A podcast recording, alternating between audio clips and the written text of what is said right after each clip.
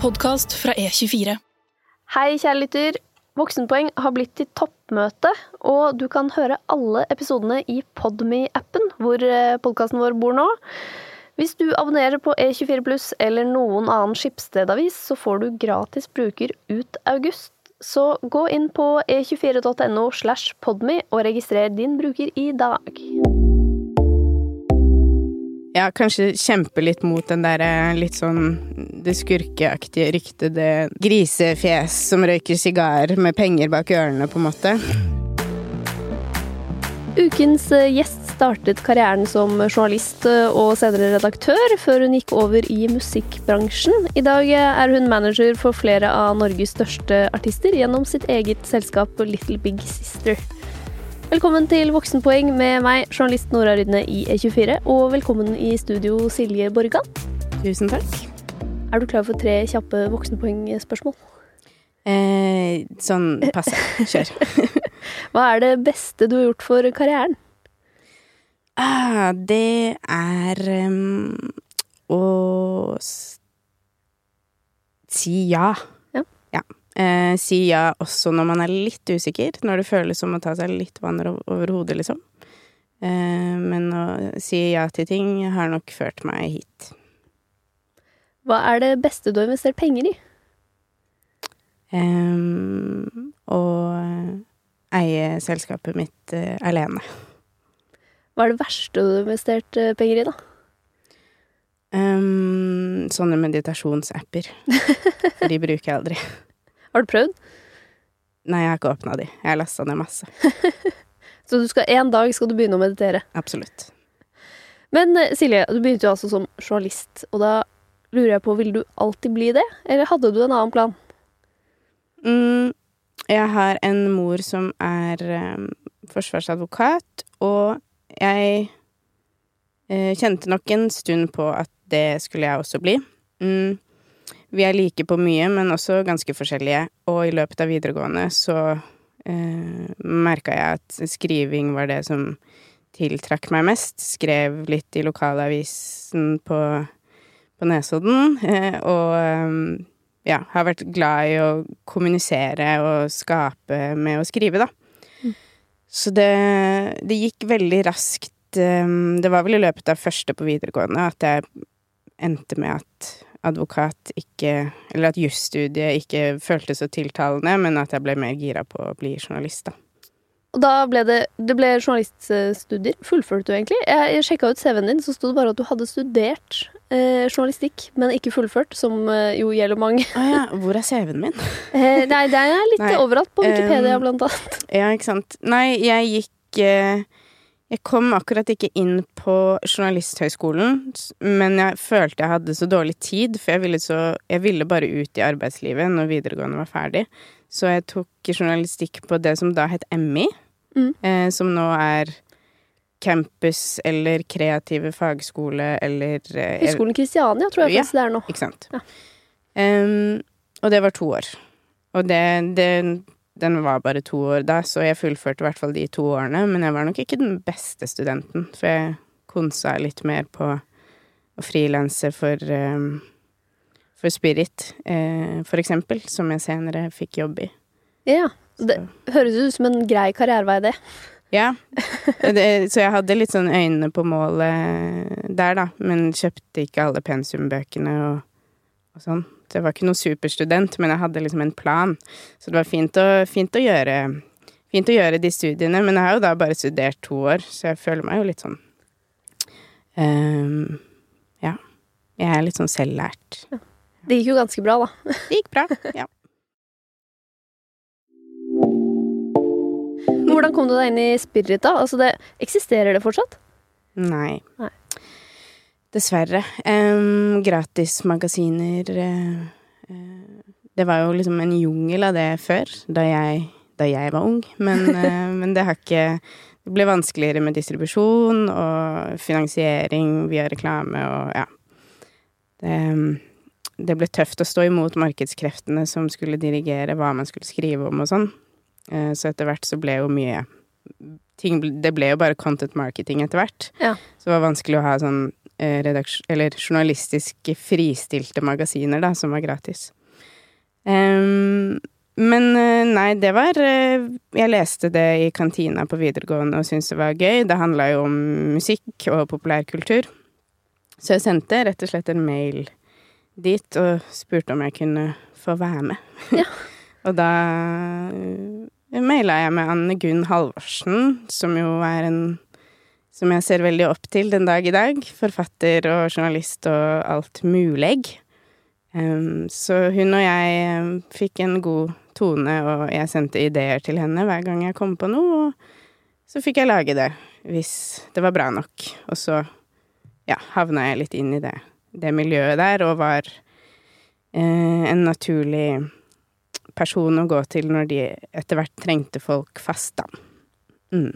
Gøy å få liksom bare skli rett inn i fast jobb ganske fort. Ja, det var en sånn liten Jeg studerte jo, og så den første jobben jeg fikk fast etter studiene, var faktisk i eh, Hjemmet Mortensen sin interaktive avdeling. Det var det året eh, i Var det 2008 eller 2007? At eh, alle magasinene skulle digitaliseres. Eh, alle, alle bladene skulle få en .no.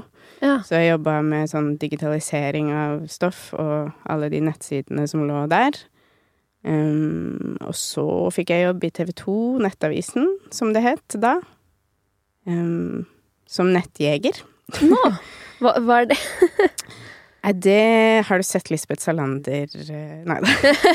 Um, Ble hacker? Nei, det er på en måte Det var en fiffig tittel på uh, Det var vel litt sånn i tiden å skulle ha det. Uh, oppgaven min var på en måte å gjøre den webbaserte researchen eller journalistikken til den andre journalistikken, som høres rart ut i dag. Men det var sånn hvis det hadde skjedd noe Hvis det hadde vært et jordskjelv et sted, jeg skulle finne de riktige webkameraene eller den riktige Det var mye sånn graving, da.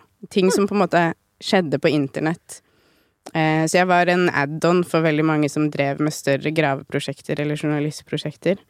Eh, som en sånn liten nettekspert i hjørnet, liksom. Som vel handlet kanskje mest om at jeg var den yngste og syntes det var gøy med internett og hadde koda HTML på ungdomsskolen, liksom. Oh.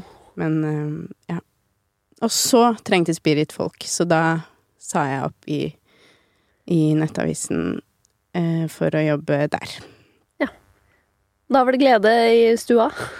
Eller? Ja, det var uh, veldig gøy å få lov til å jobbe med å skrive for ungdom, da. Om musikk og film og spill og alt som, alt som er gøy, uh, på heltid. Det føltes veldig luksuriøst, og ikke minst som en sånn slags Ja, en måloppnåelse, da. Mm.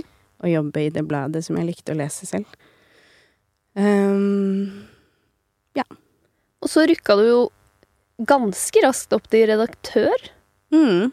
Det var ikke mange årene, det.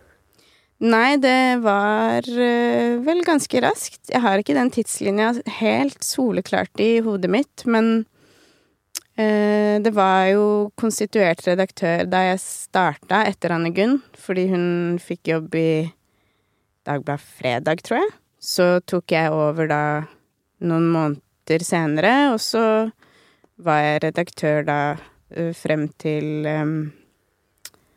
du, nå har jeg ikke disse årstallene. Det er veldig Det burde jeg hatt foran meg. Men jeg, jeg anså på en måte Jeg merka når tiden min begynte å renne ut eh, der. Jeg tok jo på en måte Tok et valg om å, om å slutte etter hvert, da. Eh, litt på grunn av det jeg snakket om i starten, at det var vanskelig for et gratisblad som uansett ikke hadde inntekter basert på journalistikken, å være, være fri, da. Og da gikk turen videre til Eh, da gikk turen videre til Faro-journalen, som eh, heller ikke eksisterer i dag, men det var altså en, en eh, et bransjemagasin for filmbransjen, musikkbransjen og spillbransjen. Eh, og under film da også DVD. Eh, det var på en måte fagbladet til alle som jobba i kulissene, så dette var jo Jeg tror vel man kunne kjøpe det på Narvesen, men det er ikke et blad som mannen i gata har noe forhold til, for det var jo på en måte et internt fagblad, da. Mm. Som kom ut hver uke i fysisk format. Som også føles ganske rart um, nå. På mange måter. Men um, Så det var eh, på en måte å holde koll på tre bransjer som, som jobba på litt forskjellige måter, men hadde noen, hadde noen felles felles tråder. Um, og da ble jeg på en måte kjent med disse bransjene litt fra innsiden, og, og møtte uh, Møtte på en måte alle bakmenneskene i en bransje som jeg syns var veldig spennende, da. Musikk har jo alltid vært um, en, en, hobby eller en Ja, musikk har alltid vært viktig for meg, sånn på et privat og personlig plan. Så det var veldig gøy å få et sånn vindu inn og kunne grave litt i hva som skjedde bak der. Ja. ja. Så det var sånn du oppdaget at sånn Ha, her kan det kanskje være noe jeg kan drive med? Ja, jeg fikk en veldig sånn god og nysgjerrig følelse av å liksom stikke innom et plateselskap og hente noen CD-er, eller liksom egentlig hatt lyst til å stå på en scene eller gjøre noe foran noen, men jeg har hatt lyst til å eh, være i nærheten av det. eh, så det var eh, når man er liten og, og Eller når man er barn og hører på musikk eller ser på filmer eller ser på TV-programmer, så, så, ser man på en måte bare alle i front, og man har ikke så godt bilde på alt som skjer bak der. Men det var en sånn Ja, fikk en smakebit på hvordan det var å være bak, og da var det veldig tiltalende for meg, fordi jeg syns kulissene uh, er uh, gøy. um, og da Da jeg da sa opp i Farojournalen etter hvert, så var jeg egentlig forberedt på å bare være frilanser og se litt hva som skjedde. Um, jeg hadde fått et lite bokoppdrag uh, som var å skrive en barnebok om Michael Jackson. Um, så jeg var litt sånn ok, nå har jeg jobba og jobba og jobba og jobba døgnet rundt siden, uh, siden studiene og videregående. Nå kan jeg ta det litt som det kommer. Men da ringte um, Bjørn Rogstad, da, som var sjef i EMI på det tidspunktet, som nå er sjef i Universal. Og han var en av de jeg hadde blitt kjent med gjennom journalistikken da, og lurte på om jeg ikke skulle jobbe i EMI. Gøy. Mm. Var du da Du er jo DJ også, Mm. sammen med Kristin Danke. Mm. Eh, hva er det dere heter? Hot hotell? Hotel. Hotel. Det var navnet på bloggen vår eh, i gamle dager. Så da ble det bare det når vi skulle DJ også. Aha, vi hadde en blogg? vi hadde en blogg. Musikkblogg? Eh, ja Hovedsakelig musikk, ja. Ja. Uh, bare litt sånn Bare for gøy?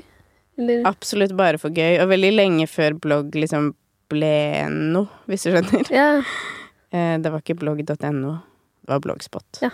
Og så hadde du vel et radioprogram på et eller annet tidspunkt med Mm. Ja. Eh, det var også med Kristine på, på P3. Det var um, eh, på lørdager. Sånn lørdagsvorspill med Silje og Kristine. Fra åtte til ti. Og det, hvor, når starta du å DJ? Det gjorde du mens du var journalist? Um, hva var dette, da? Det var vel uh, høsten 2009 at vi begynte å snakke om at det hadde vært gøy, og så lånte vi noen platespillere og noe greier. Så rigga vi opp på kjøkkenbenken hjemme hos Kristine i gamlebyen, og så begynte å øve litt. Jeg tror kanskje vi hadde vår første gig liksom januar 2010, og så balla det veldig på seg, og så reiste vi jorda rundt, føltes det som, da. Det var bare Norge.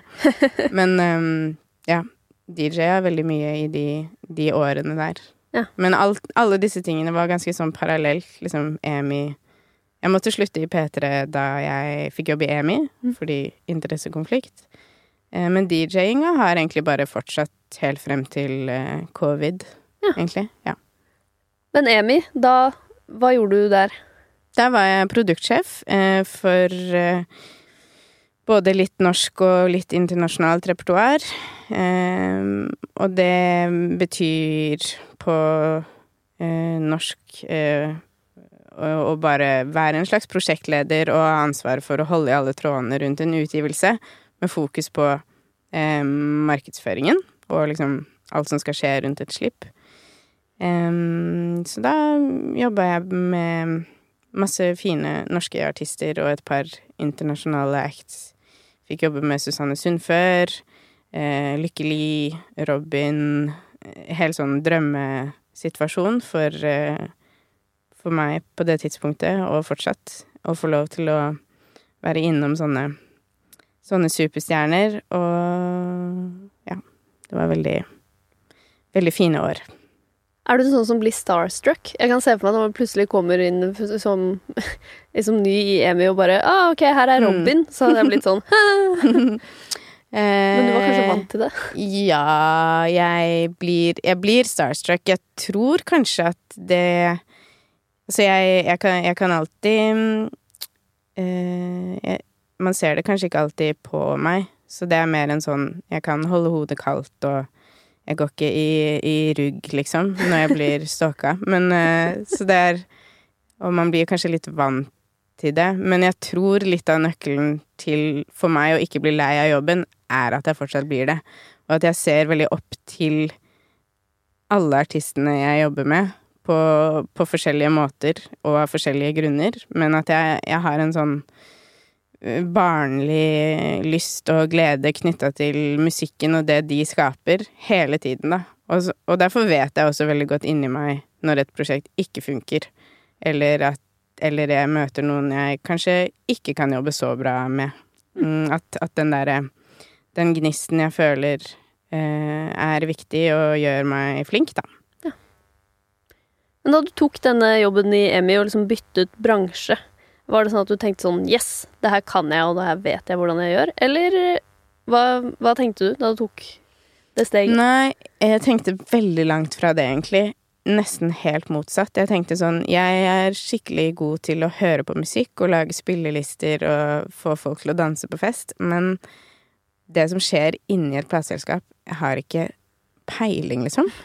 Og, og jeg turte heller ikke å Jeg turte på en måte ikke å spørre så mye, for jeg følte at jeg kom inn som en eller annen sånn um, De kjente meg jo litt fra før og hadde vært vant til at jeg var rundt omkring, og uh, kanskje de tilla meg egenskaper som jeg ikke hadde, eller tenkte at jeg, at jeg at jeg visste mer enn jeg gjorde. Men jeg hadde en ganske lang fase på EMI hvor jeg ikke Jeg var litt sånn Du, uh, hva er produktsjef? Uh, og da var det skulle ta over for en som skulle slutte, og hun var bare sånn Nei, uh, nei du må bare ha oversikt, da. Uh, passe på budsjettene. holde i trådene. Mm. Og så var det sånn Ja, ok, så hvor finner jeg trådene? Eller sånn, hvor ligger de? Skal jeg lage trådene? Er de um, Så det var en Det var en ganske lang Og jeg er ikke så Kanskje spesielt på en ny arbeidsplass, så er jeg setter meg ikke midt på lunsjbordet og loller i lunsjen, på en måte. Jeg spiser over tastaturet og holder meg litt for meg selv, så det var Jeg, jeg syns det var vanskelig å på en måte forstå jobben i starten, men jeg lata som helt til jeg skjønte det. Uh, og det har jeg nok lært, liksom Det er en sånn ting som jeg har blitt flinkere på. At jeg, nå spør jeg sånn Hæ? Jeg skjønner ikke. Og, og, og, skjønner at det er liksom mer styrke i å spørre om hjelp enn en det motsatte, da.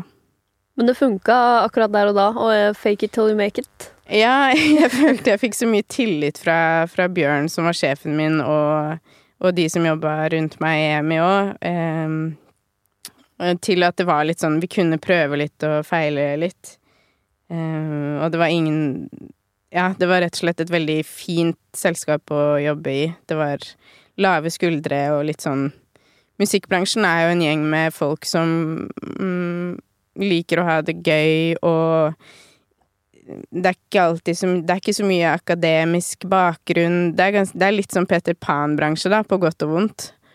Um, og ja, på det tidspunktet så var det Vi var i en sånn brytningsfase fordi EMI var, var til salgs, da, globalt, som gjorde at vi var litt sånn Vi følte oss som en underdog som bare hadde ting å vinne og ingenting å tape, for vi visste at selskapet skulle deles opp og selges etter hvert.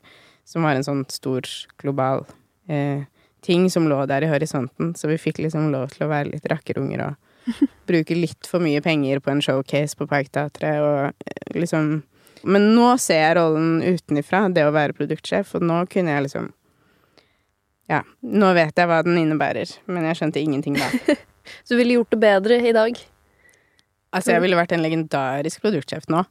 Eh, nå er jeg jo på en måte det innimellom, fordi vi er litt sånn Vi gjør, gjør mange ting for få artister.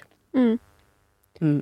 Så hvor Når dukka den ideen opp eh, fra å liksom være produktsjef som ikke helt vet hva eh, produktsjef egentlig er, til å være sånn Nå kan jeg gjøre dette sjæl. Ehm, nei, Amy ble jo solgt, og så til eh, Warner. Um, så da ble Amy til Warner, det ble ny organisasjon. Um, og så jobba jeg jo da i Var vel cirka et år. Uh, og så ble jeg gravid og gikk i permisjon. Jeg gikk nok Jeg tenkte nok eh, på det lenger enn jeg forsto, for da Jeg hadde ikke vært så lenge i perm da jeg ble litt sånn um, Det var noe med å være mamma òg som, som gjorde meg litt sånn uh, Kanskje litt mer kravstor på hva jobben skulle være, og hvordan den skulle være, og hva den skulle gi meg. Um, at jeg tenkte at Shit, nå er det jo ekstra viktig at jeg har det gøy og har det bra, for nå skal jeg være livet til en skikkelig liten person. Um, og da begynte jeg å uh, leke med tanken om å, om å gjøre noe uh, eget. Og da var jo ideen å være en slags produktsjef som var frilans, da, og jobbe på en måte Da følte jeg meg jo følte jeg at jeg kunne ganske mye, fordi jeg liksom hadde gått gradene, og så um, tenkte jeg hva hvis jeg bare gjør dette for litt færre artister? Um, lekte jo også med tanken på, på manager, selv om det ikke var liksom hovedplanen min da. Manager i mine øyne på det tidspunktet var jo som regel en uh, litt eldre mann uh, som kom innom og sa ja og nei og hadde koll på pengene og forsto liksom aldri helt Det var en litt sånn mystisk rolle for meg. Uh, og jeg tenkte nok Jeg tenkte nok også at jeg ikke var helt klar for det, men en sånn slags Et slags byrå, da, som drev med å um, prosjektlede musikk uh, og markedsføre musikk, det var um, tanken. Og da, når, når fikk du liksom sementert det? Når ble det sånn OK, nå vet jeg jeg skal gjøre dette, dette og dette, og så skal det hete dette? Nei, det var Det var en prosess som pågikk litt mens jeg var i permisjon. Um, og jeg snakka jo da um, med han som var tidligere manager for Karpe. Uh, jeg visste at de holdt på med ny musikk. Um, så vi hadde jo litt dialog rundt det, og hva dette selskapet kunne være. Um, og så var det vel Jeg sa opp i Warner um, tre måneder før permen min var ferdig, sånn at jeg da i første arbeidsdag etter perm begynte da i uh, Little Big Sisters, som var oktober 2015. Hvordan var det å si opp uh, mens du var i perm? Var det skummelt, eller? Uh, det var ikke så skummelt som det kanskje høres ut. Jeg føler jeg hadde en eller annen sånn trygghet inni meg om at uh, jeg kan sikkert alltid søke jobb igjen hvis dette skjærer seg, men akkurat nå føles dette skikkelig riktig. Men det var jo mer sånn Min samboer på det tidspunktet måtte jo selvfølgelig være enig i det, og det er jo en økonomisk risk i det og sånn, men men jeg inngikk jo da avtaler med, med Karpe og Marit Larsen ganske fort, som, som gjorde at i hvert fall det første året så bra ut for ja. meg, da. At jeg visste at sånn, ok, jeg er good i et år. Hvordan, hvordan landa du Karpa? Det var jo, eller er, en av de største, liksom de aller største mm. norske artistene. Ja, det jeg landa, var jo en avtale om at eh, jeg og etter hvert Trine, da, som jeg har jobba veldig tett med fra start, skulle markedsføre og promotere og prosjektlede det neste albumet deres. Um, Og det var Heisan Montebello. ja. Ja. Um, for det var ikke før i 2017 at jeg overtok som manager, da. Så den, eh, den første avtalen var jo handlet om egentlig å erstatte funksjonene til et plateselskap. Um, som jeg da følte meg helt utlært på. Etter å ha sittet musestille på EM i en liten stund. Nei da. Um, men eh, nei, det var en idé om å um, kunne gi dem det de trengte, da. Eh, At de kunne beholde rettighetene og kontrollen på musikken selv.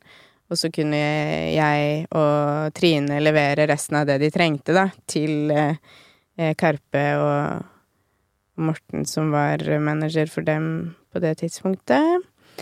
Um, og nei, hvordan gjorde jeg det? Det var jo Altså, jeg kjente jo Chirag og Magdi sånn halvveis fra før, fordi vi tilhørte en, en ikke så enorm gruppe i Oslo, men vi som likte å høre på hiphop på byen, var ikke sånn dødsmange, og det var oversiktlig miljø, på en måte, og så var det ikke så mange utesteder som spilte eh, hiphop, fordi det eh, Ja, det er en annen podkast. men Så vi hadde liksom hilst på hverandre, og, og jeg hadde også hatt møter med dem eh, med EM i hatten på tidligere, og var veldig fan av dem, og eh, hørte Glassgård i hjel i den lille bilen min på vei til Nesodden videregående, liksom. Um, så det var eh, Det var en kombinasjon av timing og skills og behov. Etterspørsel og, eh, og tilbud, liksom. Og jeg vet ikke, jeg presenterte litt den planen jeg da hadde for dem på et uh, møte på en eller annen kafé på Majorstua, husker jeg.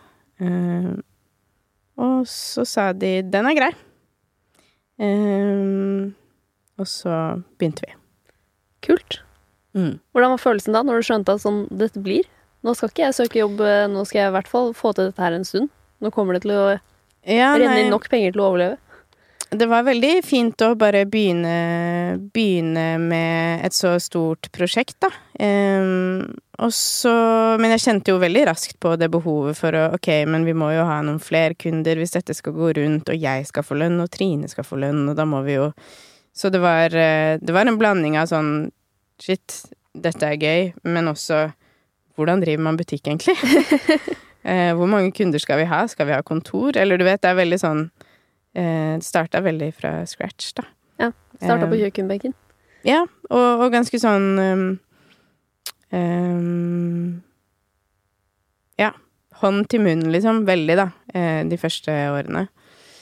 Um, men det var, en, det var en god følelse, og det var uh, Kjemien med Karpe var veldig god fra start. Vi fikk jo også mye blest fordi det var en litt utypisk setup, da. At man, at man bare så helt bort fra det tradisjonelle måten å bruke plateselskaper på, uh, og kun brukte da distribusjonen de kunne tilby, og så kunne man hyre noen andre som gjorde det andre. Det var jo litt sånn what for mange. Når skjønte du at liksom dette Dette er ikke bare noe jeg skal liksom holde på med et år med dette prosjektet, men dette, kan, dette skal bli min greie. Dette er et selskap som er levedyktig. På en måte så er jeg jo fortsatt litt der. At Ja. eh, jeg føler meg fortsatt i en eller annen startfase, fordi, fordi det er um, uh, Også fordi uh, det åpenbare covid-monsteret selvfølgelig satte en liten sånn stopper for ting i litt lang tid, og vi kjenner fortsatt på etterdønningene av det. Men øh, øh, men nei, jeg, jeg tror ikke jeg har Jeg har ikke kommet til det punktet hvor det er sånn mm, Nå er det lett. Nå er det Dette er good. Fordi man prøver og feiler når det gjelder samarbeidspartnere, man prøver og feiler når det gjelder ansettelser. Du vet, det er en veldig sånn Vi har ikke noen investor. Vi har aldri hatt det. Så vi er veldig Og akkurat nå så lever vi da hovedsakelig av managementinntekter, fordi vi nå hoppa jeg til det, da, men eh, vi er jo ikke lenger hovedsakelig et promobyrå. vi er et management Mm. som manager store, fantastiske norske artister. Um, og også noen um, kommende stjerner, altså som, som er på en, i en annen fase, da. Mm. Og det er en eh, forretningsmodell som er eh, skjør, og den følger jo, følger jo suksessen til artister, da. Eh, som går opp og ned, og som går i sykluser og Så det er jeg, føler fremdeles at jeg driver og utvikler selskapet sammen med de som jeg jobber med. Nå er vi fire ansatte. Så det er fortsatt en sånn Jeg føler meg fortsatt i den oppoverbakken, på godt og vondt, da. Mm. Som er at vi, vi skal et sted. Jeg vet at det er bruk for oss. Vi er helt rå, men, men det, er en, det er en komplisert eh, modell, på en måte. Liker du å være i den fasen, eller er det sånn at du håper at en dag skal dere komme til en sånn skikkelig stabil eh, forretningsmodell som er litt sånn eh, Litt kjedelig, men også eh, litt avslappende? Um, jeg, jeg stiller liksom ganske høye krav til det med å ha det gøy og hyggelig og fint på jobb. uh, altså, jeg kan, jeg kan jobbe masse, men det må være gøy. Hvis Mm. ikke, så er det helt uaktuelt, på en måte. Og det, og det gjør jo også da at eh, det er sikkert mange oppdrag vi kunne tatt som hadde gitt oss masse penger, uh, men mindre mindre sjel. Eh, og så er det sikkert ting vi kunne gjort som hadde Du vet, snarveier til å, til å få inn cash, eller eh, Eller til å jobbe, jobbe mindre og tjene mer, men, men jeg har Jeg har ikke har ikke trua på sånne quick fixer, da. Så akkurat nå så handler det mest om å bare eh, jobbe så godt vi kan med de eh, kundene vi har. em, og samtidig innenfor de kundene og innenfor de prosjektene vi har, utvikle nye muligheter. Og ja, egentlig bare jeg, jeg, jeg, er, jeg, er sånn ekte inspirert av å dyrke det manageryrket som jeg plutselig har fått, da. Eh, og gjøre det til noe annet. em, og noe Ja, noe litt mer sånn Noe litt mer solid. Jeg vil ha et fagmiljø. Jeg har lyst til å Jeg har lyst til at musikkbransjen skal bli liksom et finere og bedre og tryggere sted å være for eh, kvinner og for menn eh, i alle aldre, og at det skal være en bransje som profesjonaliseres, og som ikke kanskje er bare Petter Pan og skurker og cowboyer, men som er et, eh, et sunt og trygt sted å jobbe i, da. Em, jeg har jo Det er jo en sånn em, Det er jo en ting også at jeg var en av tre damer i EMI da jeg starta der, i et, i et stort selskap, og at jeg em, jeg anser det også litt som min plikt, da, å em, kanskje være et forbilde for andre som ikke er menn, som har lyst til å drive som manager i fremtiden. Mm, eller å via den posisjonen jeg har, kunne trekke frem flere kvinner som kan jobbe i kulissene. Eller på scenen, for den saks skyld. Det er et, et, en, en generell jobb og et eh, lass man må dra sammen, hele bransjen. Men ja. Det ble et kjempelangt svar, men det er så eh, Ja, jeg vil selvfølgelig på et eller annet tidspunkt ha det kanskje litt roligere, eller em, eh, mer stabilt. Eh, det hadde vært deilig om covid ikke traff så hardt.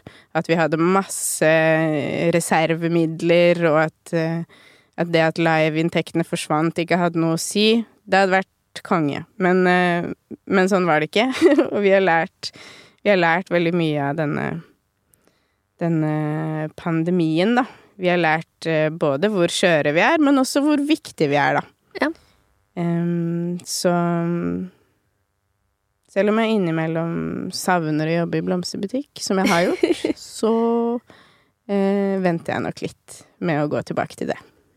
For da covid traff, da var det jo helt krise for nesten alle artister. Og Mm. så da selvfølgelig også for dere i kulissene. Mm. Hvordan var det da å sitte på et eget selskap og ikke trygt, liksom digert, globalt label?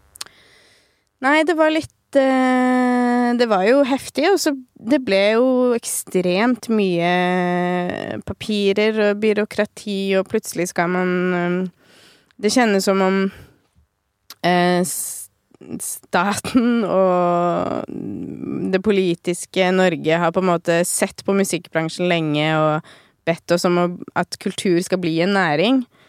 Mens når eh, vi ble en næring, og pandemien kom, så var vi plutselig kultur. Eh, det, var, det, var, litt den følelsen vi satt med, at vi var sånn der Her er det så masse arbeidsplasser nå.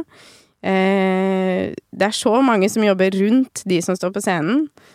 Eh, og de som står på scenen, driver også med næring. Eller det var en følelse av å, å bli litt sånn eh, trubadurene i hjørnet, liksom. Sånn de lager vel musikk uansett, de, for de ja, ja. må jo det, for de er jo kunstnere. Eller den følelsen av at det vi driver med, ikke ble tatt helt på alvor, var mm. veldig var tung, da. Pandemien og permitteringene, og det fikk oss jo til å se hvor, hvor skjøre vi faktisk var, da. Det var som å ha starta liksom en eh, en snøskuffefabrikk som var dritbra, og så slutta det å snø. Eh, bare sånn OK. Fordi som management som jobber med liveartister, så er liveinntekter kanskje 85% av inntektene. Um, så da sitter du der, da. Ja. Og gnurer på noe streamingpenger og noe Tono, eller du vet, det er liksom Det er jo noen ting igjen, men de store dragerne, som en festivalsommer eller en turné er, det er liksom Det er noe helt annet. Men gikk du i kjelleren da, eller var det bare sånn ja vel, da får jeg sitte her på snøskuffene mine og vente på snøen? jeg, eh, jeg, var jo da nesten høygravid eh, ja. når lockdown kom. Eh, så jeg var på en måte på vei ut og skulle kose meg i en avslappende permisjon nå som selskapet mitt gikk så bra. Mm. så det var rar timing på alle måter. Vi, vi, vi, vurderte aldri å liksom sette kroken på døra, vi, men vi gikk i sånn eh, innkjøpsstopp og permitteringer og, og liksom men selvfølgelig holde kontakt med artistene for å sjekke at de er good. Det er jo en ganske sånn psykisk påkjenning òg, at, at, jobben din forsvinner for alle dem, da. Mm. Eh, og så alltid holde noen litt i jobb. Eh, eh, altså passe på at vi er permittert i en grad som gjør at vi kan gjøre den jobben som må gjøres. Ja eh, passe på å hjelpe til med støttesøknadene og gjøre alt det som artistene plutselig trengte, som vi aldri hadde gjort før. Eh, så nå Det er vel først nå i høst, altså vi Nå som denne gjenåpningspressekonferansen var, det var vel da vi kanskje kjente på det, bare sånn ah, shit. Det å endelig komme ut og slippe å ha sånn plan A, plan B, plan C, plan D på en konsert. Og bare kunne være sånn OK, nå kan vi faktisk lage en plan for den og den konserten i 2022, og vi vet hvor mange som kan komme dit! og de kan stå nærme hverandre. Eller, ja.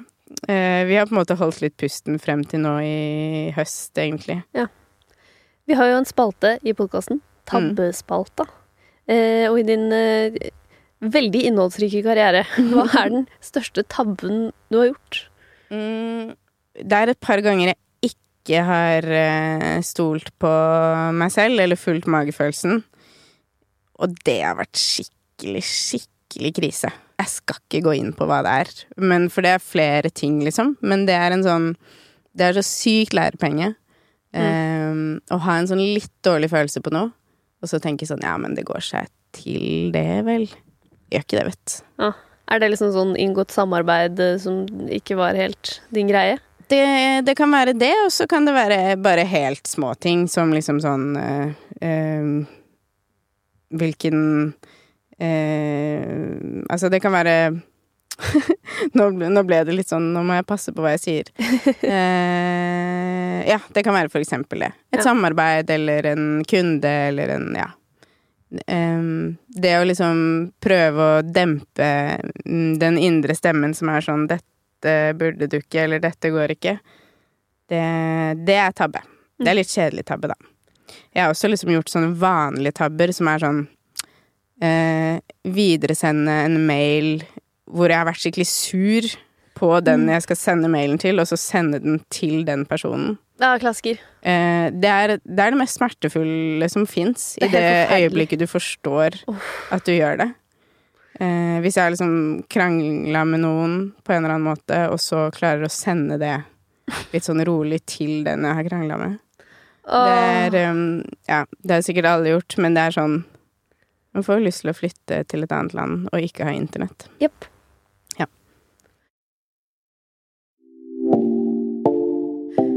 Du har vært i den bransjen her ganske lenge, og så nevnte du at det har vært litt sånn Peter Pan, og eh, i mediene så har vi jo sett liksom at det er litt sånn cowboystil, og VG har jo hatt noen saker om en manager i det siste, og Karpe har jo hatt flere stikk mot tidligere managere og labels i sine låter. Og så har det vært masse liksom problemer med at det bookes for lite kvinnelige artister og osv.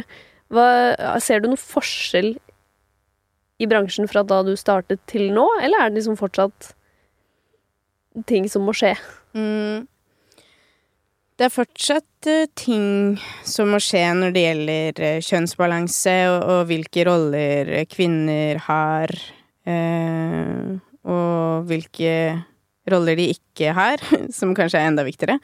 Um, men det er, det er, helt klart en bedring i liksom Ref det at jeg var en av tre kvinner da jeg starta i EMI. det samme selskapet nå er vel 50-50, om ikke det er um, Om ikke det er flere kvinner enn menn. Så det er sånn I alle disse apparatene som var ganske mannsdominerte før, så har det vært sånn markant bedring på ti år. Eh, I Oslo, da.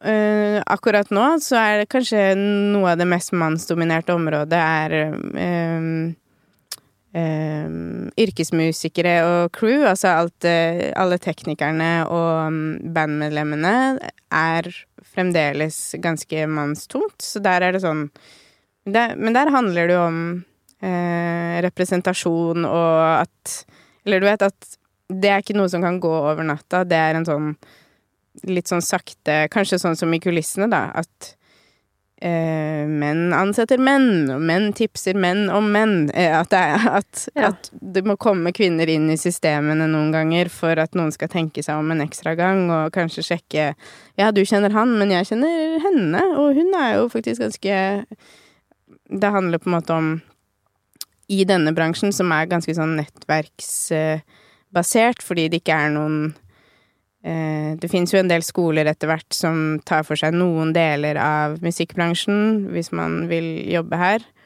Eh, men det er ikke en sånn Det er ikke som en jusstudie eller lege eller det er ikke Du kan ikke ta en grad, og så får du en jobb. Det stiller høyere krav til eh, de som jobber i den. Vi, vi som jobber i bransjen, har mye større ansvar hver og en person, fordi vi er ikke Um, det er ikke så mye fagorganisasjoner, eller um, rekrutteringen er ikke så uh, kontrollert, liksom. Um, så det er, det er, tungt ansvar på alle som er i en maktposisjon i musikkbransjen, eller de som har muligheten til å rekruttere, eller velge noen, eller sette ut en jobb.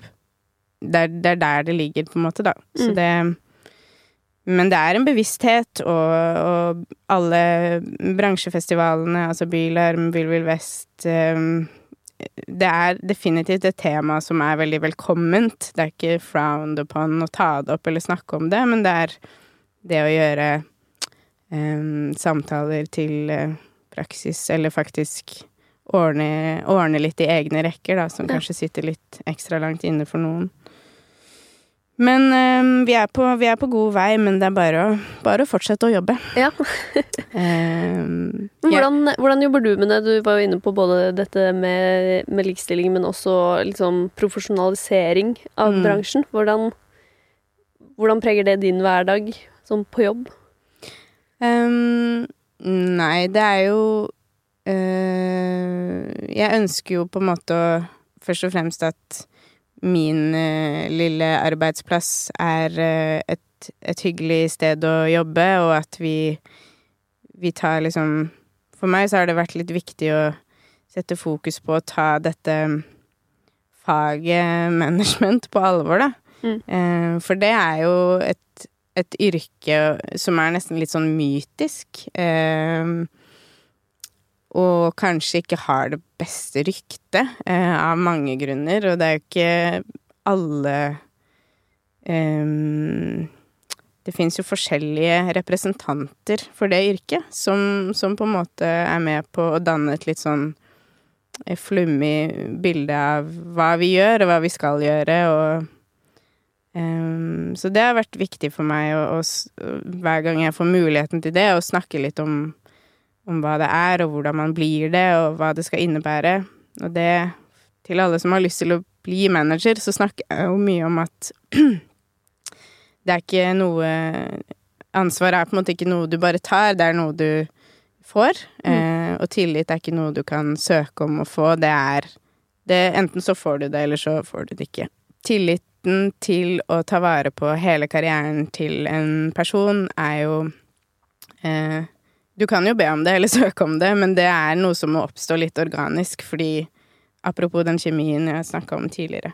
Så det er viktig for meg, å liksom verne litt om yrket Eh, manager, og, og, gjøre det til noe Ja, til noe solid og noe man kan stole på, ikke Ja, kanskje kjempe litt mot den derre litt sånn det skurkeaktige ryktet det den rollen kan ha innimellom, og har hatt fra liksom sånne karikaturer av Eh, grisefjes som røyker sigar med penger bak ørene, på en måte. Ja. Eh, at det skal være en kollega ja. Eh, og en mm, prosjektleder og en rådgiver og en venn og en psykolog. Det skal ikke være en som først og fremst tar litt av pengene dine, på en måte. Det er en heftig stillingsbeskrivelse du lista opp der. Helt til slutt, eh, Silje, hvis du kunne reist tilbake i tid og gitt deg selv et råd som 20-åring, mm. hva ville det vært? Du kan nok selv. Du trenger ikke eldre menn uansett hvilke råd de gir deg, så kommer ikke de til å være de beste rådene. Bare finn ut av det selv. Følg hjertet.